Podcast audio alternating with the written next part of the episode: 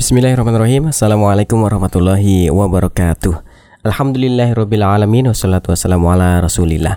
Sahabat Quran di mana pun anda berada Masih bersama Radio Iskarima Bersama saya Ahmad Heru Dalam program acara Majelis Takon. Majelis Tanya Jawab dan Konsultasi Bersama saya Isom Abdul Qadir bin Abdul Aziz Dan juga pentarjim kita ada Ustadz Abdul Mujib. Yang mana pada kesempatan kali ini Kita akan membahas tentang kelanjutan uh, tentang tema zakat nih ya sahabat Quran semua. Bagi sahabat Quran yang ingin bertanya tentang dunia keislaman khususnya silahkan anda bisa melayangkannya ke nomor WhatsApp kami di 081 229888614 dan sudah hadir beliau di sini uh, ada Syekh Isom Abdul Qadir bin Abdul Aziz dan juga pentarjem kita uh, Ustadz Abdul Mujib langsung saja untuk mempersingkat waktu kita persilahkan kepada beliau untuk memulai acara pada kesempatan kali ini. Silahkan Ustadz. Bismillahirrahmanirrahim. Assalamualaikum warahmatullahi wabarakatuh. Alhamdulillah Alhamdulillahi rabbil alamin Wassalatu wassalamu ala Sayyidil anbiya wal mursalin أشهد أن لا إله إلا الله وحده لا شريك له وأشهد أن محمدا عبده ورسوله Para pendengar Radio Ishkarima Sahabat Al-Quran di mana pun Anda berada, mudah-mudahan Antum semuanya senantiasa berada dalam lindungan Allah Subhanahu wa Ta'ala. Kembali bersama kami dalam Majelis Taqan bersama dengan Syekh Abdul Qadir Abdul Aziz dan saya Abdul Mujib Johar sebagai penerjemah dalam Majelis Taqon ini. Mari seputar pembahasan tentang zakat ya, masih pembahasan seputar tentang zakat melanjutkan pembahasan yang kemarin. فما نتكلم عن موضوع الزكاة فما زلنا نتكلم عن موضوع الزكاة فاختصارا للوقت نفوض عليكم الوقت بسم الله الرحمن الرحيم السلام عليكم ورحمة الله وبركاته. عليكم السلام ورحمة بسم الله الرحمن الرحيم. الحمد لله رب العالمين. والصلاة والسلام على أشرف الخلق وأطهرهم وأزكاهم محمد بن عبد الله صلى الله عليه وسلم. الرحمة المهداة والنعمة المسداة والسراج المنير البشير النذير. اللهم أحينا على سنته وأمتنا على ملته وارزقنا شفاعته وأرفقنا صحبته في الفردوس الأعلى. ومتعنا بلذة النظر إلى وجهك الكريم. اللهم آمين يا رب العالمين. آمين. اللهم إنا نعوذ بك من الطعن والطاعون والعقاب وعظيم البلاء في النفس والأهل والولد. الله أكبر الله أكبر الله أكبر. مما نخاف ونحذر الله أكبر الله أكبر الله أكبر. عدد ذنوبنا حتى تغفر. اللهم إنا نعوذ بك من الطعن والطاعون والوباء ومن هجوم البلاء ومن موت الفجأة ومن سعر الحمة ومن سوء القضاء ومن درك الشقاء ومن شماتة الأعداء يا حي يا قيوم يا ذا الجلال والإكرام. ربنا اكشف عنا العذاب إنا مؤمنون. ربنا اصرف عنا عذاب جهنم إن عذابها كان غراما. ربنا ظلمنا أنفسنا وإن لم تغفر لنا وترحمنا لنكونن من الخاسرين. ارحمنا برحمتك يا أرحم الراحمين. يا الله يا حافظ يا الله يا رافع. يا الله يا دافع. يا الله عجل لنا ولأوليائك بالفرج والعافية وزد لنا في حياتنا فإنك أنت يا الله الذي يهب لنا عيش الأولى والآخرة فهب لنا منك عمرا مديدا وعيشا مزيدا في عافيتك ورضاك. أما بعد. اللهم سلمني وسلم مني اللهم سلمني وسلم مني اللهم سلمني وسلم مني وكنا بالأمس قد تكلمنا في مسألة زكاة الفطر وقلنا أنها تسمى بزكاة الفطر وزكاة الفطرة وزكاة شهر رمضان وزكاة الأبدان. هكذا وشرحنا هذه المعاني بالتفصيل. ثم بعد ذلك انتقلنا إلى شروط زكاة الفطرة. وقلنا أن شروط زكاة الفطرة لها شرطان. الشرط الأول هو الإسلام. الشرط الأول الإسلام. والشرط الثاني هو القدرة على إخراج هذه الزكاة. وقال وقلنا أن جمهور الفقهاء قال أن القدرة المقصود بها عند جمهور الفقهاء من المالكية والشافعية والحنابلة أن يكون المقصود بهذه القدرة أن يكون عنده نفقته ونفقة عياله في ليلة العيد وفي يوم العيد. ثم ما كان زائدا على ذلك يخرج منه الصدقة. أما إذا لم يكن معه نفقته ولا نفقة أولاده فإنه لا يخرج الزكاة وتسقط عليه الزكاة لأن من شروطها القدرة على الإخراج. هذا هو الشرط الأول. أما الحنفية فقالوا أنه لا بد أن يكون مالكا للنصاب. يكون مالك للنصاب. وحقيقة هنا مذهب الحنفية أعطى توسع كبير جدا لأننا لو وصلنا إلى مسألة مالك النصاب وغير مالك النصاب ممكن أن نسقط أكثر من ثلث المسلمين لا يملك النصاب. فالذي عنده طعام الذي عنده راتب الشهر فقط وكان الراتب لا يكفيه هو أولاده في الشهر يعني عنده راتب مثلا يأخذ راتب. وهذا الراتب لا يكفيه الشهر كله على مذهب الحنفية. خلاص. لا يحتاج أن يخرج الزكاة لأن هذا عندهم أصبح مع أنه معه فلوس لكن هذا على مذهب الحنفية فلا يخرج الزكاة. شرط أن يملك النصاب والنصاب من الذهب كما قلنا عشرين مثقالا من الذهب بما يعادل خمسة وثمانين جرام من الذهب ومئتين درهم من الفضة أي بما يعادل خمسمائة خمسة وتسعين جرام من الفضة. والذي يقع فيه كثير من الناس أو الخطأ الذي يقع فيه كثير من الناس ونبهنا عليه أن الناس يحسبون دائما بالذهب ويتركون مسألة الفضة. لكن قال الشيخ ابن عثيمين الحساب يكون على أقلهم. يعني الحساب يكون على أقلهم. ما معنى أقلهم؟ آه إذا كان النصاب من الفضة هو أقل في الثمن يعني مثلا ال 595 هذا مثلا ممكن يفعله مثلا 40 مليون 40 مليون مثلا خلاص. نأخذ بها. وإذا كان مثلا ال 85 جرام من الذهب هذا سيكون ثمنه 60 اذا النصاب يبدأ من 40 مليون لا يبدأ من ال 60 آه نبدأ من الأربعين. لا نأخذ بنصاب الذهب هنا بل نأخذ بنصاب الفضة لأن نصاب الفضة هنا أو الأقل دائما فيه مصلحة للفقير. وإن الله عز وجل لما شرع الزكاة شرعها مراعاة لمصلحة الفقير اولا. Kemarin kita sudah membahas tentang bab zakatul fitrah dan zakatul fitrah atau zakatul abdan ya. Dan kita juga sudah membahas tentang syarat-syaratnya. Di antara syarat-syaratnya adalah dia beragama Islam. Kemudian dia juga mempunyai kemampuan al-qudrah ataupun mempunyai kemampuan. Sedang tentang kemampuan ini ada dua pendapat madhab.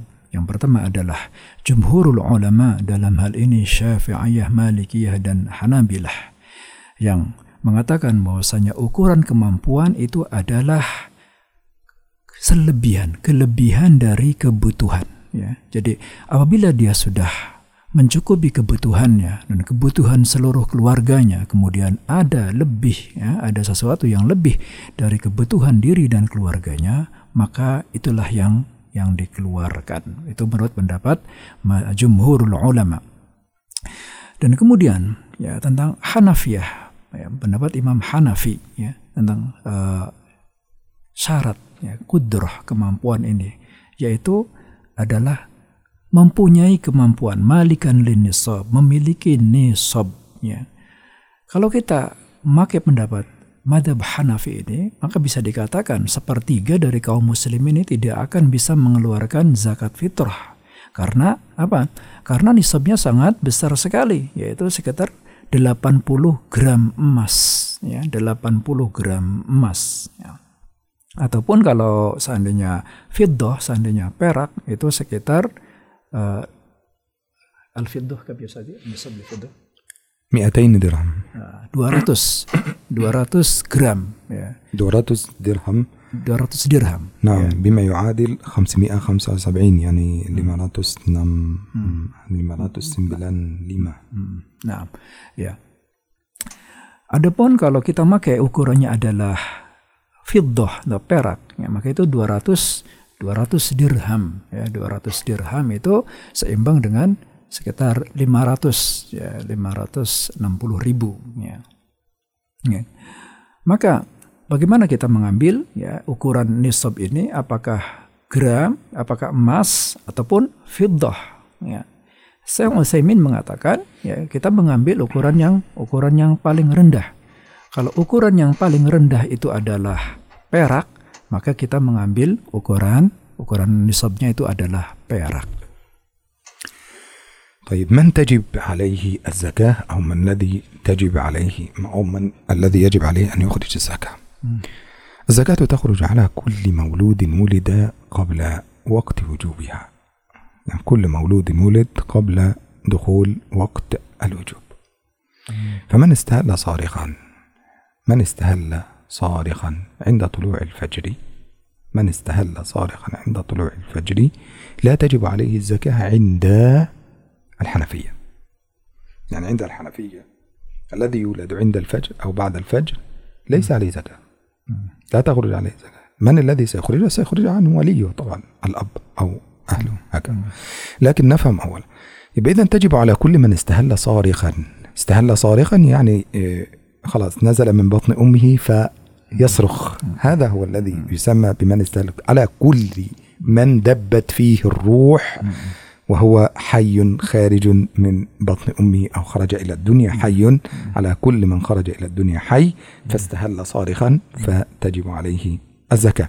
هذا في وقت الوجوب. يبقى اذا عند الحنفية عند الحنفية لا تجب الزكاة على من ولد بعد صلاة الفجر. لماذا؟ لأن نهايتها بوقت الفجر. هكذا. يبقى الذي بعد ولد بعد صلاة الصبح وقبل صلاة العيد هذا لا تجب عليه الزكاة عند الحنفي. أما عند الجمهور وهم الشافعية والمالكية والحنابلة قالوا بأنها تجب الزكاة على كل من ولد قبل طلوع الشمس. آه ليس قبل هنا يوجد فرق. ما هو الفرق؟ الفرق أن لو واحد ولد في الساعة الخامسة لو واحد ولد في الساعة الخامسة وجبت عليه الزكاة عند الجمهور. لو واحد ولد في الساعة الخامسة وعشرين دقيقة وجبت عليه الزكاة عند الجمهور. واحد ولد في الخامسة وثلاثين دقيقة وجبت عليه الزكاة عند الجمهور.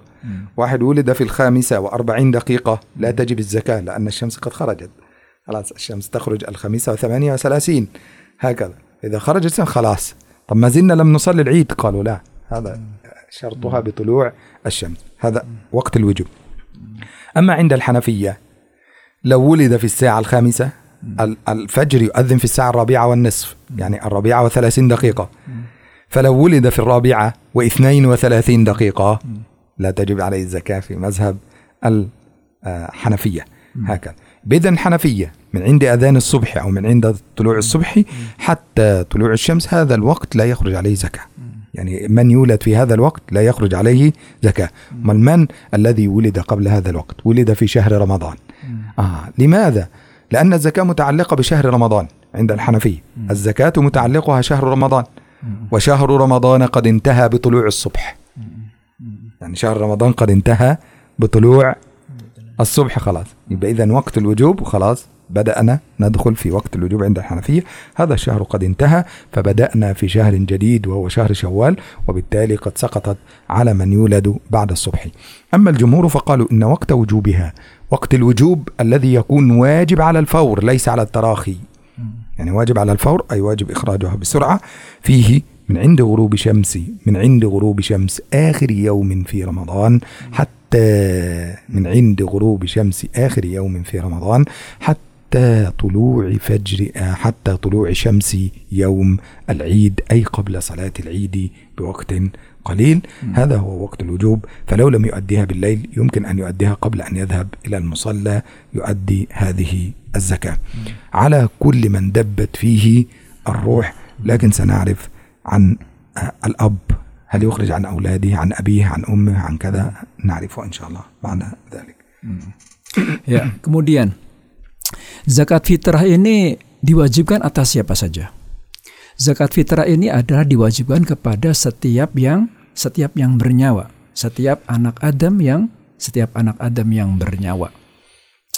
Adapun ya waktu pengeluarannya kepada mereka yang dikeluarkan kewajiban uh, zakat ini dikeluarkan kepada mereka menurut pendapat Imam Hanafi adalah ma, ya uh, anak yang anak yang lahir sebelum uh, maaf anak yang lahir sesudah terbitnya maaf sebelum uh, sebelum terbitnya matahari. Sebelum terbitnya matahari waktu waktu sawal ya. Jadi apabila ada seseorang ya apabila ada seorang anak seorang bayi dilahirkan sebelum terbitnya matahari ini ter, matahari pada satu sawal ini tulu'un syams pada satu sawal ini maka maka dia wajib ya tetapi apabila dia dilahirkan setelah terbitnya matahari pada satu sawal ini maka dia tidak wajib kenapa karena zakat fitrah ini berkaitan dengan bulan puasa. Ya, zakat fitrah ini adalah kewajiban berkaitan dengan bulan Ramadan, bulan puasa. Ya, Karena seseorang itu, seseorang yang dilahirkan sesudah lewatnya bulan Ramadan, maka dia tidak wajib di tidak wajib dikeluarkan. Ya. Sedangkan menurut jumhurul ulama, ya, zakat fitrah ini dikeluarkan, ya, batasnya adalah apa? Batas minimal batas minimalnya adalah antara tulu'ul ghurubus syams sampai tulu'ul fajr ya dari tenggelamnya matahari sampai terbitnya terbitnya matahari sampai pada pada satu sawal jadi apabila ada seorang anak dilahirkan ya dilahirkan setelah apa? Setelah sholat subuh ya tulu'ul fajr ya salat tulu'ul fajr ini maka diwajibkan baginya zakat ya. Tetapi apabila dia lahir sesudah terbitnya matahari maka itu tidak tidak wajib zakat. Ya. طيب نأتي إلى من تجب عليه الزكاة الأب على من يخرج الزكاة يعني أنا مثلا أخرج الزكاة عن من قالوا إذا كان الغني إذا كان الرجل غنيا فلا يخرج الزكاة عن نفسه هذا مذهب الحنفية نأخذ أولا هكذا نأخذها بمذهب الحنفية. فنأخذ في مذهب الحنفية أن الرجل يخرج الزكاة إذا كان غنيا فيخرج الزكاة عن نفسه عن من يعولهم أي من هم في آه، إعالته أو من ينفق عليهم من تجب عليهم نفقته. طيب من هؤلاء؟ الإبن الصغير.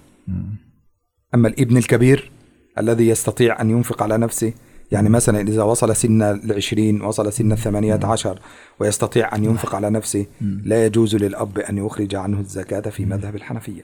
خلاص إذا كبر الابن وبلغ سن الرشد خلاص أصبح مسؤولا عن نفسه. خلاص. يبقى إذن يخرج عن الابن الصغير الولد الذكر ليس عن البنت. ليس عن البنت. البنت الصغيرة والكبيرة لأن البنت الصغيرة والكبيرة هي في نفقة أبيها. خلاص حتى يزوجها. فإذا تزوجت أصبحت في نفقة زوجها. خلاص. يبقى أول شيء عند الحنفية الأب ينفق على ابنه الصغير الابن الصغير لكن الكبير لا يخرج عنه الزكاة. والكبير هذا الذي بلغ سن الرشد ويستطيع أن ينفق عن نفسه. طيب البنت والبنت في نفقة أبيها صغيرة أو كبيرة خلاص يخرج عنها. الزوجة. يخرج عن زوجته. يخرج عن زوجته. طيب سؤال هل يخرج عن والديه في مذهب الحنفية؟ يعني مثلا عنده أبوه وعنده أمه. قالوا لا يخرج عن أبويه.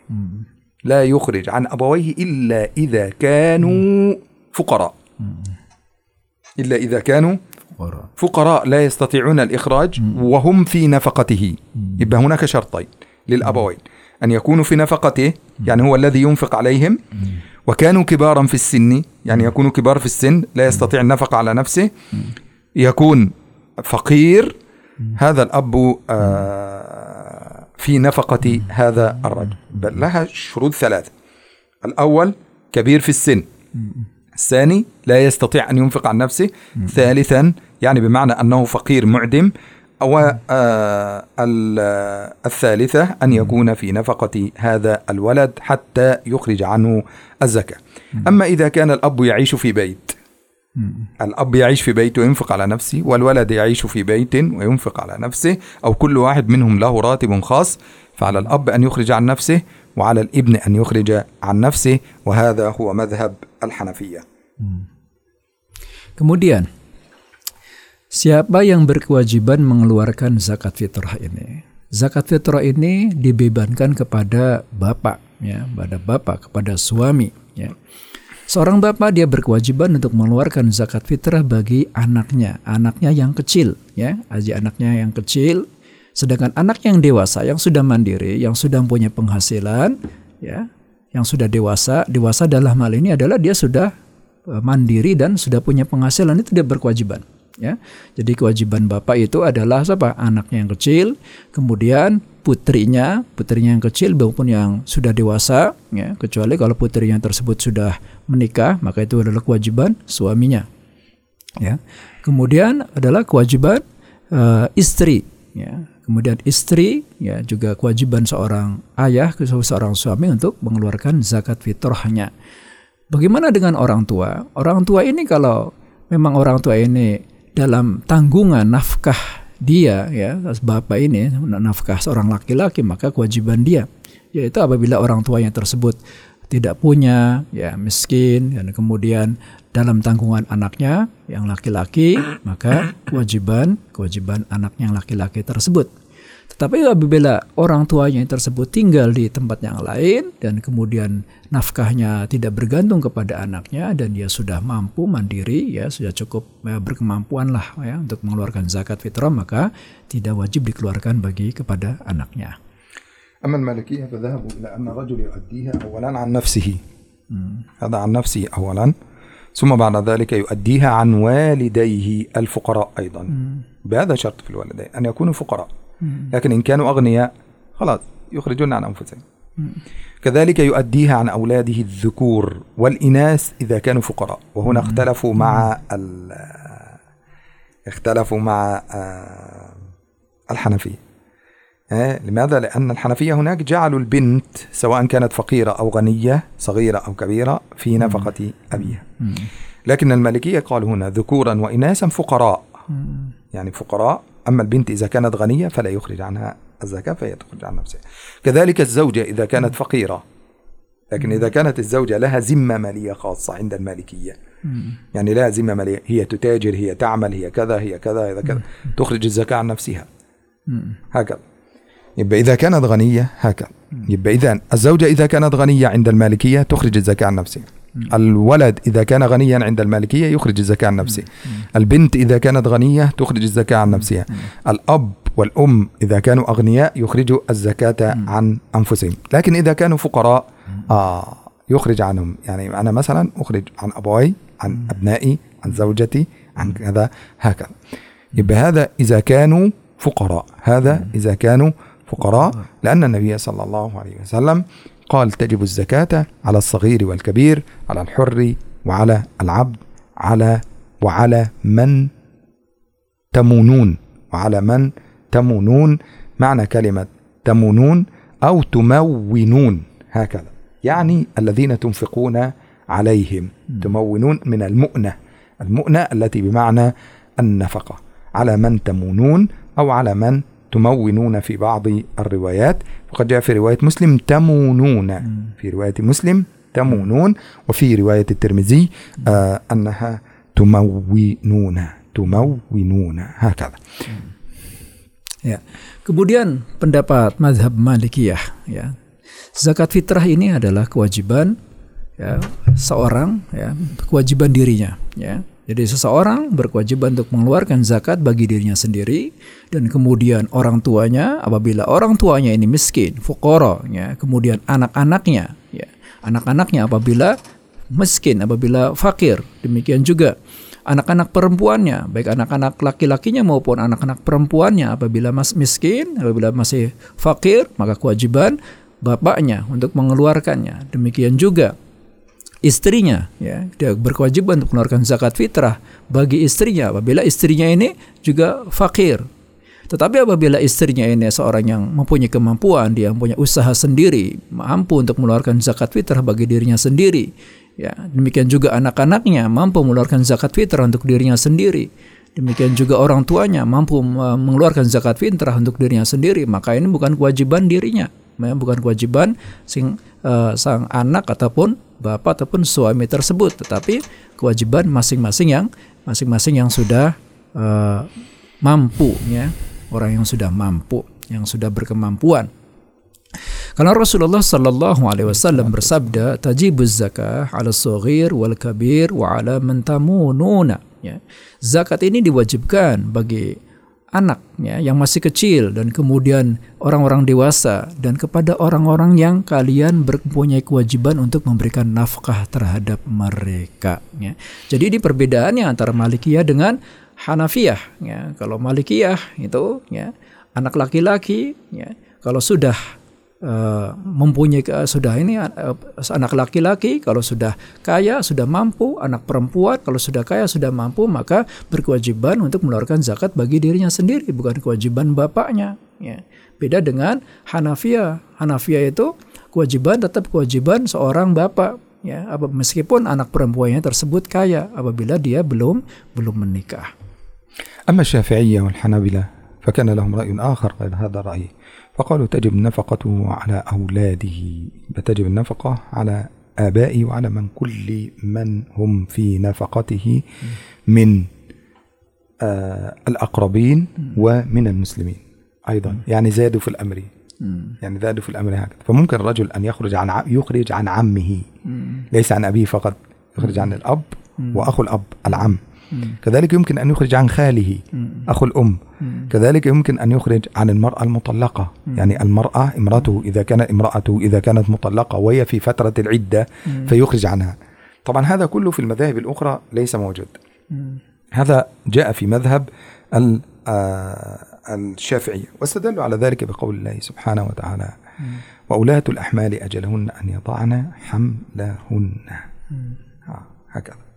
وبالتالي آه، حتى يقول الله سبحانه وتعالى في القرآن فأنفقوا عليهن حتى يضعن حملهن. والله سبحانه وتعالى يقول في القرآن فأنفقوا عليهن حتى يضعن حملهن. طيب يبقى إذا هنا نفقتهم أصبحت عليه يبقى إذا إذا كانت مطلقة وحامل يخرج عنها الذكاء. لأنها ما زالت في العدة. إذا كانت مطلقة ولم تنتهي عدتها يخرج عنها الزكاة. كذلك يخرج عن زوجته. كذلك يخرج عن قرابته المسلمين الذين لا يستطيعون إخراج الزكاة.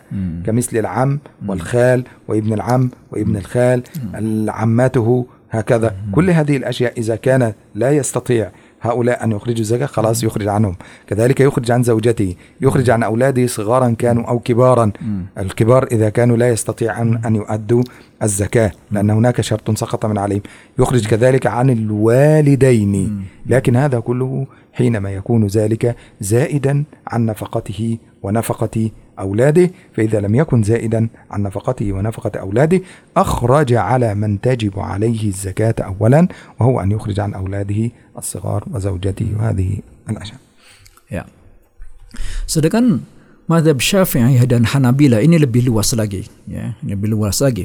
Karena ini uh, dia mempunyai kewajiban untuk mengeluarkan zakat fitrah bagi dirinya sendiri, kemudian anaknya, bahkan kemudian bahkan pamannya dan pamannya, bibinya, ya, adik dari bapak, adik dari ibu, ya, adik perempuan dari bapak atau adik perempuan dari ibu, ya, apabila mereka tidak mampu, ya. Kemudian saudara-saudaranya, ya, yang eh, tidak mampu. Kemudian bahkan istri-istrinya, istri-istrinya yang yang diceraikan, ya, istri-istrinya yang sudah yang sudah terceraikan, mantan istrinya, ya, yang sudah diceraikan apabila iddahnya tersebut belum selesai. Ya, bagaimana karena Allah Subhanahu wa taala berfirman, "Wa ulatul ahmali ajalahunna ayyadhna hamlahunna." Ya, jadi apabila dia menceraikan istri dalam keadaan hamil, maka dia berkewajiban untuk mengeluarkan zakat fitrah bagi istrinya tersebut sampai istrinya tersebut melahirkan, ya. Fa'anfiqu 'alaihinna hatta yadhna hamlahunna, ya. Jadi Tetapi apabila dia tidak mempunyai kemampuan, ya maka dia hanya mempunyai kewajiban untuk mengeluarkan zakat fitrah bagi dirinya sendiri dan kemudian juga anak-anaknya. Tetapi apabila dia lebih mampu daripada itu, masih punya kelebihan lagi, ya maka dia tetap berkewajiban, punya kewajiban luas lagi, yaitu kerabat-kerabatnya dan kerabat-kerabatnya dari kaum muslimin yang tidak mampu untuk mengeluarkan zakat fitrah. طيب هل يجوز إخراجها قبل وقتها أم لا يجوز إخراجها قبل وقتها هذا ما نعرفه إن شاء الله آه، غدا بإذن الله مع النقاط Ya, tapi kemudian uh, bolehkah kita mengeluarkan zakat sebelum waktunya atau kan harus ya ketika sudah waktunya? Insya Allah nanti akan kita bahas pada pertemuan selanjutnya. Ya. Para pendengar radio Sykarima sekalian yang berbahagia, demikianlah kajian kita hari ini. Semoga bermanfaat dan mudah-mudahan kita masih diberikan kesempatan untuk kembali berjumpa kepada sesi majelis takon berikutnya. Ya, jazakumullah khairan atas perhatiannya. Saya Abdul Mujib dan Syekh Ansam mohon diri untuk mengundurkan diri. Ya. Jazakumullah khairan. Assalamualaikum warahmatullahi wabarakatuh. Demikian tadi sahabat Quran, acara majelis takon, majelis tanya jawab dan konsultasi yang membahas tentang zakat. Insya Allah akan disambung di pertemuan berikutnya karena materinya juga belum selesai. Dan akhirnya saya Heru yang bertugas mewakili saya Isom Abdul Qadir bin Abdul Aziz juga pentarjim kita ada Ustadz Abdul Mujib. Pamit undur diri dari ruang dengar sahabat Quran semua. Nantikan majelis takon, majelis tanya jawab dan konsultasi hanya di 99.9 FM Radio Iskarima sahabat Anda belajar Al-Quran. Subhanakallahumma bihamdika asyhadu an la ilaha illa anta astaghfiruka wa atubu ilaik. Wassalamualaikum warahmatullahi wabarakatuh.